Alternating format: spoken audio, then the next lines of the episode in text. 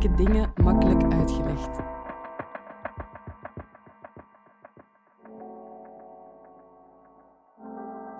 Dit is de podcast van Moeilijke dingen makkelijk uitgelegd.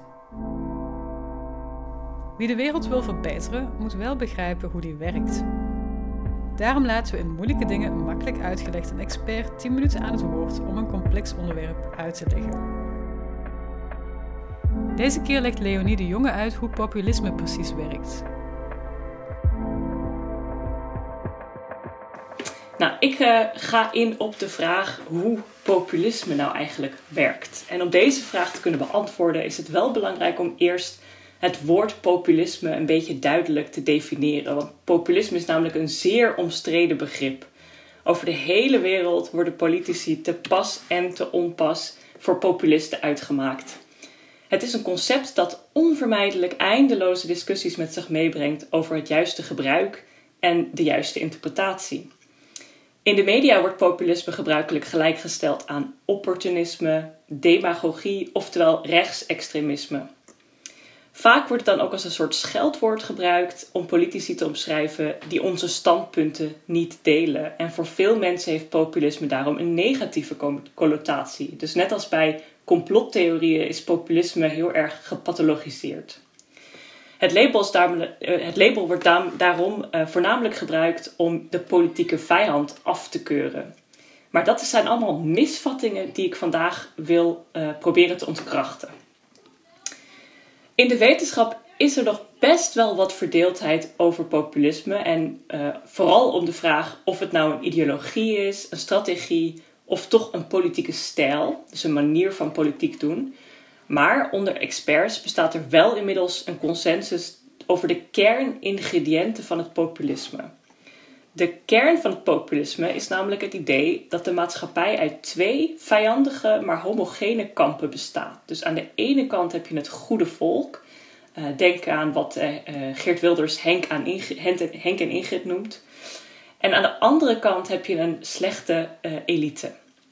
En het goede volk wordt volgens de populisten uitgebuit of verraden door deze slechte elite. En de populisten stellen dan ook dat zij de enige rechtmatige vertegenwoordigers van het volk zijn. Ze geloven dat de volkswil alles bepalend is en vinden daarom dat de politiek een uitdrukking zou moeten zijn van deze volkswil. Populisten streven er dan ook naar om de macht terug te brengen van die corrupte, boze elite naar het volk. Dus kortom, populisme baseert op twee basisingrediënten als het ware. Aan de ene kant volksverheerlijking en aan de andere kant een heel sterke anti-elite retoriek. Hoe die boodschap dan verder wordt ingevuld, verschilt. Radicaal rechtspopulisten richten hun pijlen vooral op de culturele elite, terwijl radicaal linkspopulisten hun pijlen daarentegen op de economie richten. Maar beide verzetten zich tegen de zogenaamde corrupte elite. Populisten zien ook de media over het algemeen als onderdeel van deze corrupte elite die het volk doelbewust probeert te misleiden. Uh, je, hebt vast gezien dat politieke leiders zoals Donald Trump en Geert Wilders de media als een onderdeel van deze leugenachtige elite, van dit leugenachtige establishment zien en zo proberen te decrediteren. Maar in tegenstelling tot andere ideologieën, denk bijvoorbeeld aan het liberalisme of aan het socialisme, is populisme echter een dunne ideologie, zoals wij dat noemen. En dat wil zeggen dat het een ideologie is die eigenlijk geen volledige antwoorden kan geven op politieke en maatschappelijke vraagstukken. Populisme wordt dan meestal ook gekoppeld aan andere ideologieën, bijvoorbeeld nationalisme. Dan hebben we het over rechtspopulisme, oftewel socialisme. Dan hebben we het over linkspopulisme. Er bestaat dus zowel links als ook rechts aan het politieke spectrum. En daarom lijkt populisme een beetje op een chameleon die van kleur verandert naarmate in welke omgeving hij zich bevindt. Hoewel er in Europa linkspopulistische bewegingen zijn, denk bijvoorbeeld aan Syriza in Griekenland of Podemos in Spanje, hebben wij het hier en dit, op dit continent voornamelijk te maken met radicaal rechtspopulistische partijen.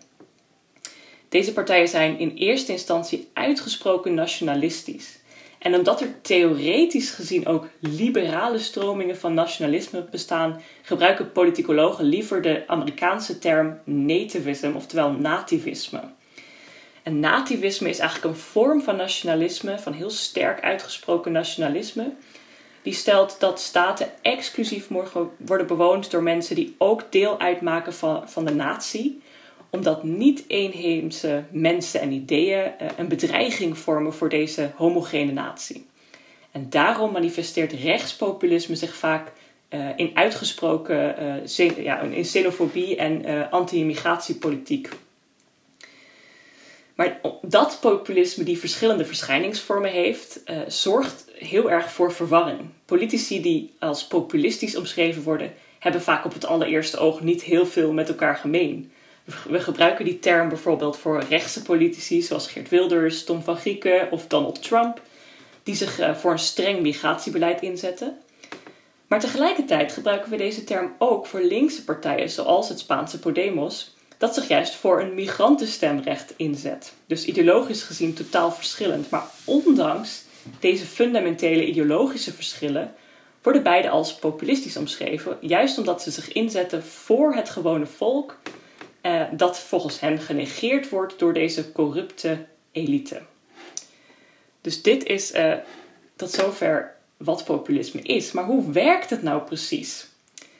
Nou, over het algemeen kun je stellen dat populisme zich uh, manifesteert door een uitgesproken afwijzing van de zogenaamde politieke correctheid. Voor, populisme is nou, voor populisten is namelijk geen enkel onderwerp taboe. De Mexicaanse politieke denker Benjamin Arditi vergeleek de populist ooit met een dronken gast bij een diner.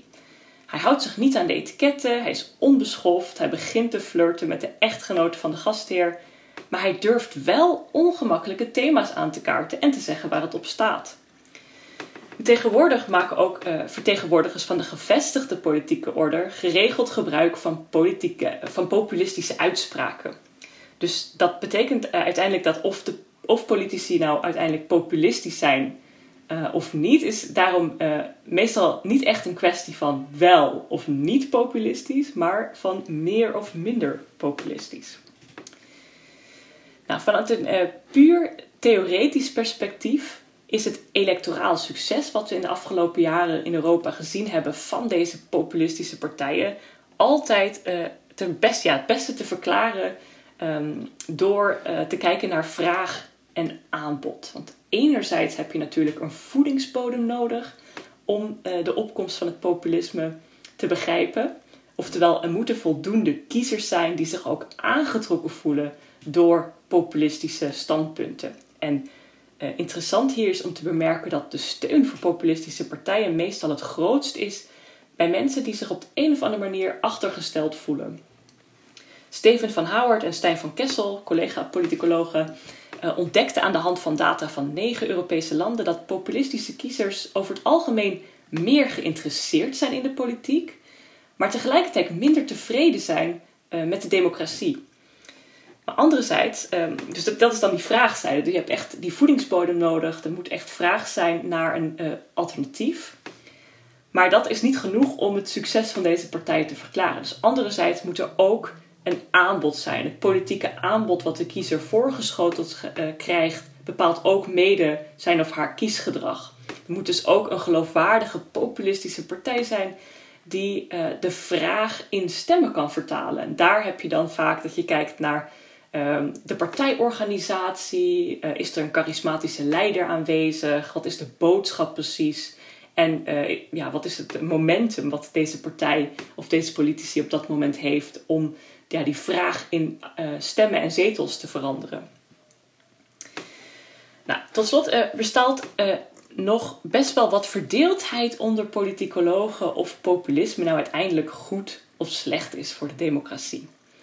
Aan de ene kant is het natuurlijk heel belangrijk om te benadrukken dat populistische partijen in tegenstelling tot extremistische partijen niet antidemocratisch zijn. Dat wil zeggen, populisten roepen over het algemeen niet op tot geweld en ze stellen ook niet de spelregels van de democratie in vraag. Dat is dan puur theoretisch gezien.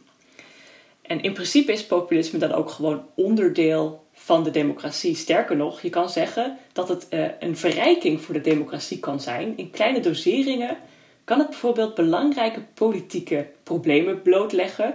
Uh, het kan kiezers in het democratisch proces binden, bijvoorbeeld door ze te motiveren om naar de stembus te gaan.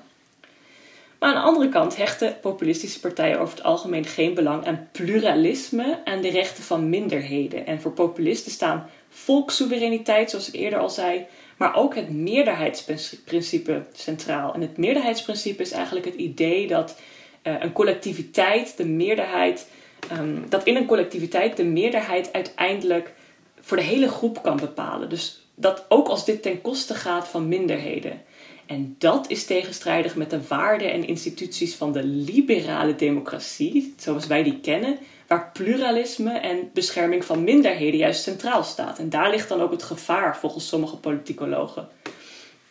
Daarnaast kun je ook stellen dat populisten het vertrouwen in de democratie vaak ondermijnen en ook nog aanwakkeren. Ze maken zich namelijk geregeld schuldig van het verspreiden van desinformatie.